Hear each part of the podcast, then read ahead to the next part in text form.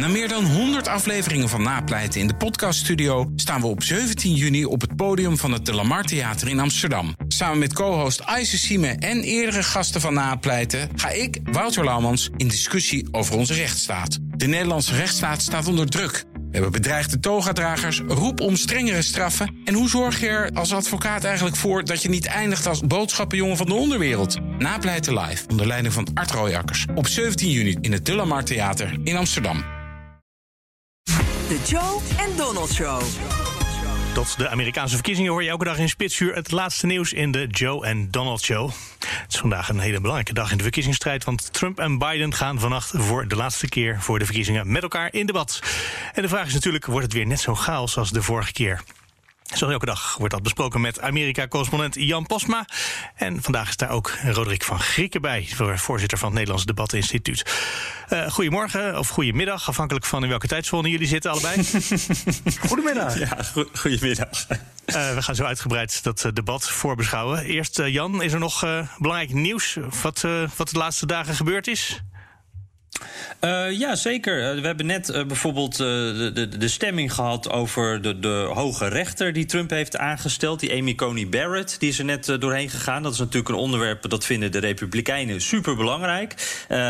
daar wordt waarschijnlijk maandag wordt hij dan echt bevestigd. Dus dat is een belangrijk campagnepuntje voor, voor Trump.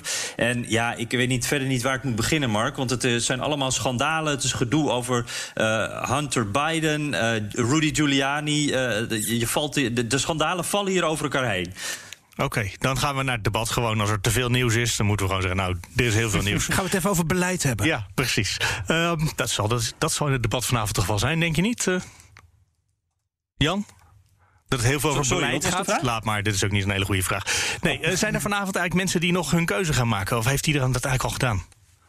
Nou ja, daar heb je gelijk uh, een, een hekelpunt inderdaad. Want zo'n debat is natuurlijk aan de ene kant super belangrijk. Uh, want het is de laatste kans dat, dat beide kandidaten nog al die zwevende kiezers. Nou ja, ik zeg al die, maar die paar zwevende kiezers kunnen bereiken. Maar ondertussen hebben al uh, meer dan 40 miljoen Amerikanen hun stem al gebracht, uitgebracht. we weten al dat die, die, peilingen zitten al tijden echt bijna in beton gegoten. er zijn geen grote veranderingen daar. dus het is ook maar beperkte invloed. Maar het is wel de laatste kans de laatste kans voor die verkiezingsdag. Dus het blijft toch wel op dat punt belangrijk. Weten we hoe de mensen zich voorbereiden op het debat van vanavond? Ja, uh, daar zit wel een mooie interessante tegenstelling in. Uh, Trump die heeft uh, twee keer een uur voorbereidingen gehad, hebben we uit zijn team gehoord. Dat is dus best eigenlijk sumier, zou je kunnen zeggen. dat was het eerste debat ook al zo. Hij heeft vooral heel veel campagne-evenementen gedaan de afgelopen week. veel speeches. En ja, Trump die plaatst zichzelf ook duidelijk in de underdog-positie. Zij zegt alles wat eigenlijk op dit moment is georganiseerd. Er komt een mute-knop, dat is tegen mij. De onderwerpen zijn niet in mijn voordeel. En ook de debatleider. Uh, Kristen Welker is dat, ervaren journalist. Die is tegen mij, dat is een democraat. Die gaat mij tegenwerken. Kristen Welker is terrible. I mean, she is uh, totally partisan. Her father and mother are big supporters of Joe Biden for a long time. They're supporters of the Democrat Party. And she deleted her entire account. Ja, dus uh, Trump die zegt van ja, haar ouders uh, doneerden aan de Democraten. Er is ook een foto van haar met de Obama's tijdens het Witte Huis uh, kerstpersfeestje. Nou, daar zijn wel meer journalisten geweest natuurlijk die op de foto zijn gegaan. Maar hij zegt dus echt duidelijk: ik ben in de underdog. Het is mij. Ik, ik, debatteer niet alleen tegen Biden, maar eigenlijk tegen de hele wereld. zijn team zegt daarnaast trouwens: hij gaat nu wat minder agressief doen. Hij gaat Biden wat minder agressief aanvallen en Biden meer de kans geven om te antwoorden, want dan is de kans ook groter dat Biden fouten maakt. Maar ja, bij Trump weet je nooit of je dat ook echt uh, gaat doen natuurlijk. Of dat lukt, nee. Uh, Joe Biden, die hebben we eigenlijk al een dag lang niet gezien. Uh, en hij stuurde wel Obama. Ja, precies. Uh, ja, die, die, is zich uh, wat intensiever aan het voorbereiden. Dat kennen we ook van het vorige debat. En, en hij liet inderdaad dat aanvalswerk echt door Obama doen. Uh, Obama was voor het eerst op pad voor, voor Biden. En ja, die was bijzonder fel richting Trump. We wouldn't tolerate it in our own family, except for maybe crazy uncle somewhere, you know. Yeah, he's, he's, he's I mean, we, why would we expect and ex accept this from the President of the United States? Nou, ja, Obama toon is goed, uh, ja, fel, boos. Je hoort ook wat getoeter. Het was een drive-in bijeenkomst vanwege corona natuurlijk. En uh, ja, de, de, Democraten dompelden zich gisteren, dat merkte je echt, echt dompelden zich een beetje om in die Obama-nostalgie. Even terug naar toen.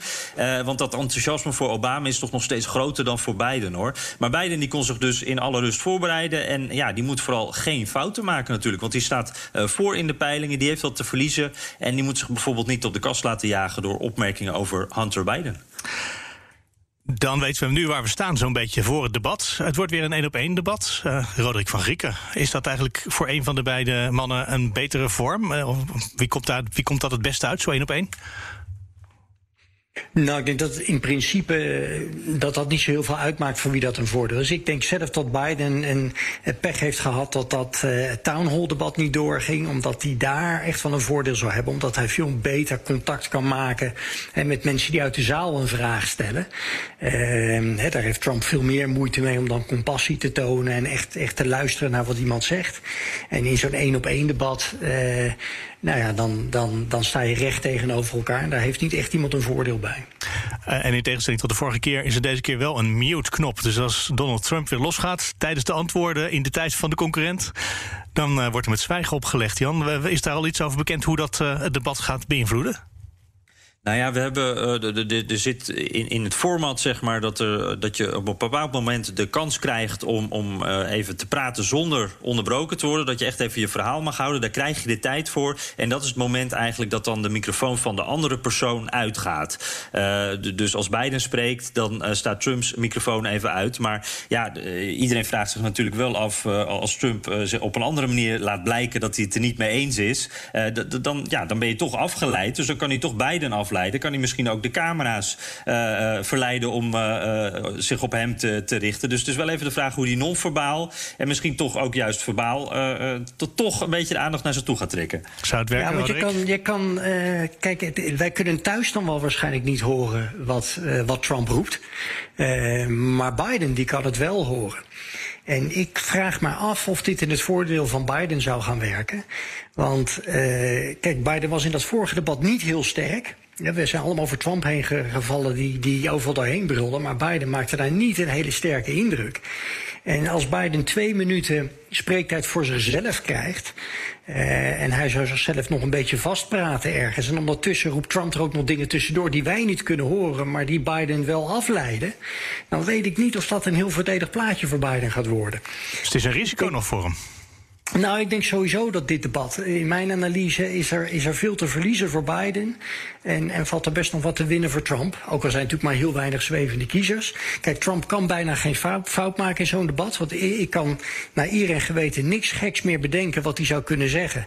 Waar we nog van zouden schrikken. Alles wat we vier jaar gehoord hebben. Maar voor Biden is dat anders als die zich ergens verspreekt, of als, die, uh, als daar toch iets geks gebeurt, uh, dan zal die daar veel zwaarder op worden aangerekend.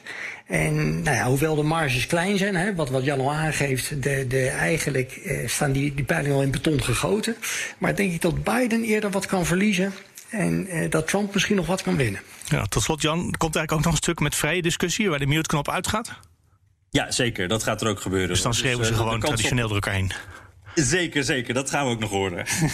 nou, dan als allerlaatste vraag voor jullie allebei. Wie van jullie uh, denkt dat het debat door de een of door de ander gewonnen wordt? Wordt het Trump? Jij mag eerst, Jan.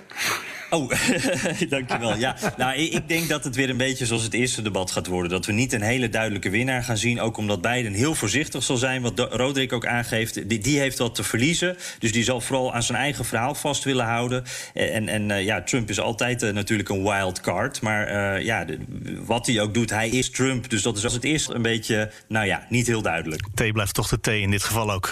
Roderick, gaat het Trump worden?